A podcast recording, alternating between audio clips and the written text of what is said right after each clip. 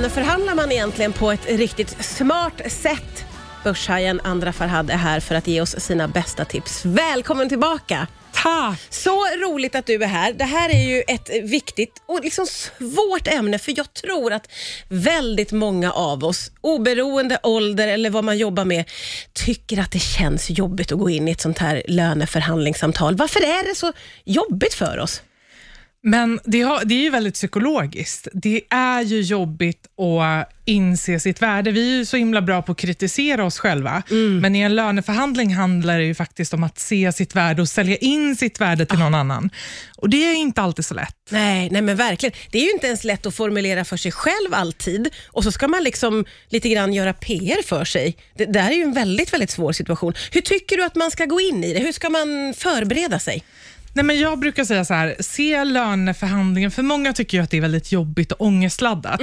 Eh, och många duckar ju det gärna, in i det sista. Liksom. Ja. Men se det som något kul. Se det som att du inte bara har en möjlighet att få en löneförhöjning idag, utan du har ju också möjlighet att höja lönen till ditt framtida jag och förhandla om pensionen. Ah. Eh, så att eh, se det som något kul och eh, var förberedd. Det är det det handlar om. Det handlar ju verkligen om att gå in i ett samtal och vara förberedd. Jag menar, man går ju inte till banken och pratar bolån och kommer dit helt oförberedd, utan man har ju någon, någon aning om men, vad är det jag ska köpa och hur mycket har jag råd att spendera, hur, mycket kan jag liksom, hur länge kan jag stanna i en budgivning? Man har ju liksom lite koll. Och På samma sätt så bör det ju vara i en löneförhandling. Man ska ju förbereda sig och ja, men, titta lite på vad, vad pratade man om förra året? Satte man upp några mål? Har man uppnått de målen? Har man gått någon kompetensutveckling som gjort att man kanske är mer värdefull för arbetsgivaren? Så att det är ju lite saker man behöver ha koll på några frågor man behöver ställa sig själv. Och sen Därefter så kan man också motivera för arbetsgivaren men varför är jag värd mer pengar?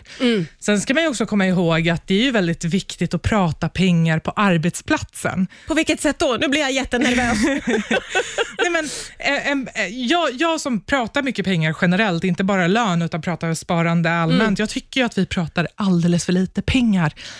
Vi pratar ju om allt idag. Vi pratar ju om vårt familjeliv med våra kollegor, vi pratar nästan om vårt sexliv, men vi pratar ju ingenting om, om eh, vår ekonomi. Nej, det Och- känns väldigt nästan tabu. det känns nästan lite tabu och det kanske till och med är lite tabu, men hur ska vi veta vad, vad vi har att gå på om inte vi har något att jämföra oss med? Då menar inte jag att man ska jämföra sig med någon som är supersenior, gått jättemånga utbildningar, har varit på bolaget under lång tid, utan man kanske ska titta på ja, men, vad tjänar människor som gör typ det jag gör, med ungefär samma kompetens och samma erfarenhet. Eh, och, och Sen så får man ju också titta på vad är det för branschstandard. Nu är det många som säger ah, nej, nej, nej, vad läskigt. Eh, men, men på vilket sätt tycker du att man ska öppna upp? Nej, men jag vet att när jag var anställd innan jag startade mitt bolag så skulle jag in i en löneförhandling. Jag var 22, nej jag var 20 eh, och eh, skulle ha mitt första riktiga, löne, eh, första riktiga löneförhandling med min chef. Och Jag hade ju ingen aning om vad man kunde förvänta sig. Och jag försökte öppna upp samtalet med mina kollegor, men det var ingen som ville prata pengar. Och hade någon eller några ställt upp och gjort det så kanske jag hade haft någon typ av uppfattning, men hur ser det ut för dem?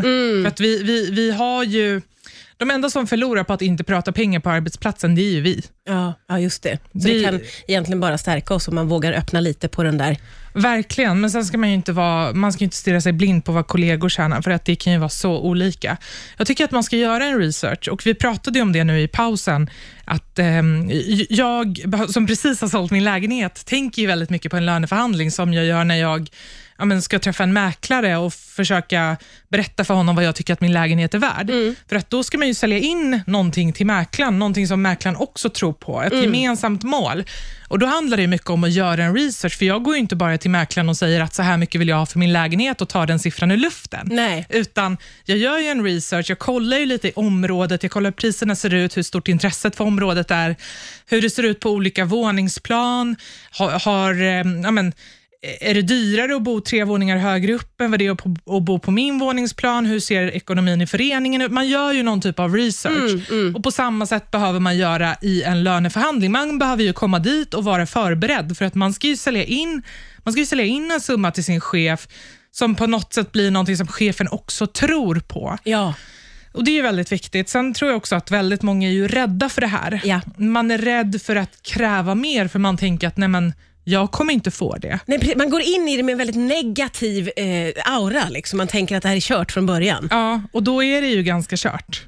Men kommer man dit och är förberedd och visar på att man tar det här på allvar, man har tänkt igenom året som varit, man har satt upp konkreta mål, eh, man kanske har uppfyllt några av de målen, man kanske har varit en tillgång för bolaget på så sätt att man kanske dragit ner på vissa kostnader eller ökat vissa intäkter. Ja, men det är ju väldigt värdefullt.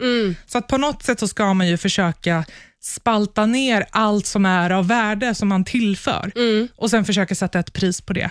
Men sen ska man ju också komma ihåg att enklaste sättet att gå upp i lön, det är ju genom att byta tjänst. Ja, just det. Antingen på samma bolag eller Ja. gå vidare till ett annat bolag. och, kl- och klättra Ja. vidare helt enkelt. Eh, så mm, otroligt eh, mycket konkreta och bra tips som vi får. Eh, men du har en grej till som du vill lyfta som verkar vara lite bortglömd. Ja, de bort, bortglömda miljonerna brukar jag kalla dem. Ja, nu låter det. Ja, men så här är det. Nu när jag både suttit på eller jag har suttit på bägge stolarna, både varit den som eh, har försökt sälja in mig själv, men också varit arbetsgivaren, så inser jag en sak och det är ju att väldigt många förhandlar om allt. Man förhandlar om lön och provision och bonusar och semesterdagar och friskvård, men man glömmer bort att förhandla om tjänstepensionen. Ja. Och Jag brukar säga att det här är ju de bortglömda miljonerna, för att det är så himla mycket pengar vi går miste om, bara för att vi ja, men, glömmer det och inte tänker på det. Ja. Och Det är vanligare än vad man tror, att människor glömmer bort det. Så att jag vill bara påminna alla som lyssnar på det här, att tänk på framtiden, för att det är ju faktiskt en lön till ditt framtida jag. Ja, ja, men precis som du sa inledningsvis också, att det handlar om nu, men det handlar ju egentligen om all framtid. Precis. Så där gäller det att vara på tårna. Hur ska man tänka kring det där med pensionen, tycker du? Ja, alltså jag brukar se pensionen i, som en pensionstårta i tre delar. Därav, ehm, eller där är tjänstepensionen en viktig del, så Ja. att den behöver man ju ha på plats.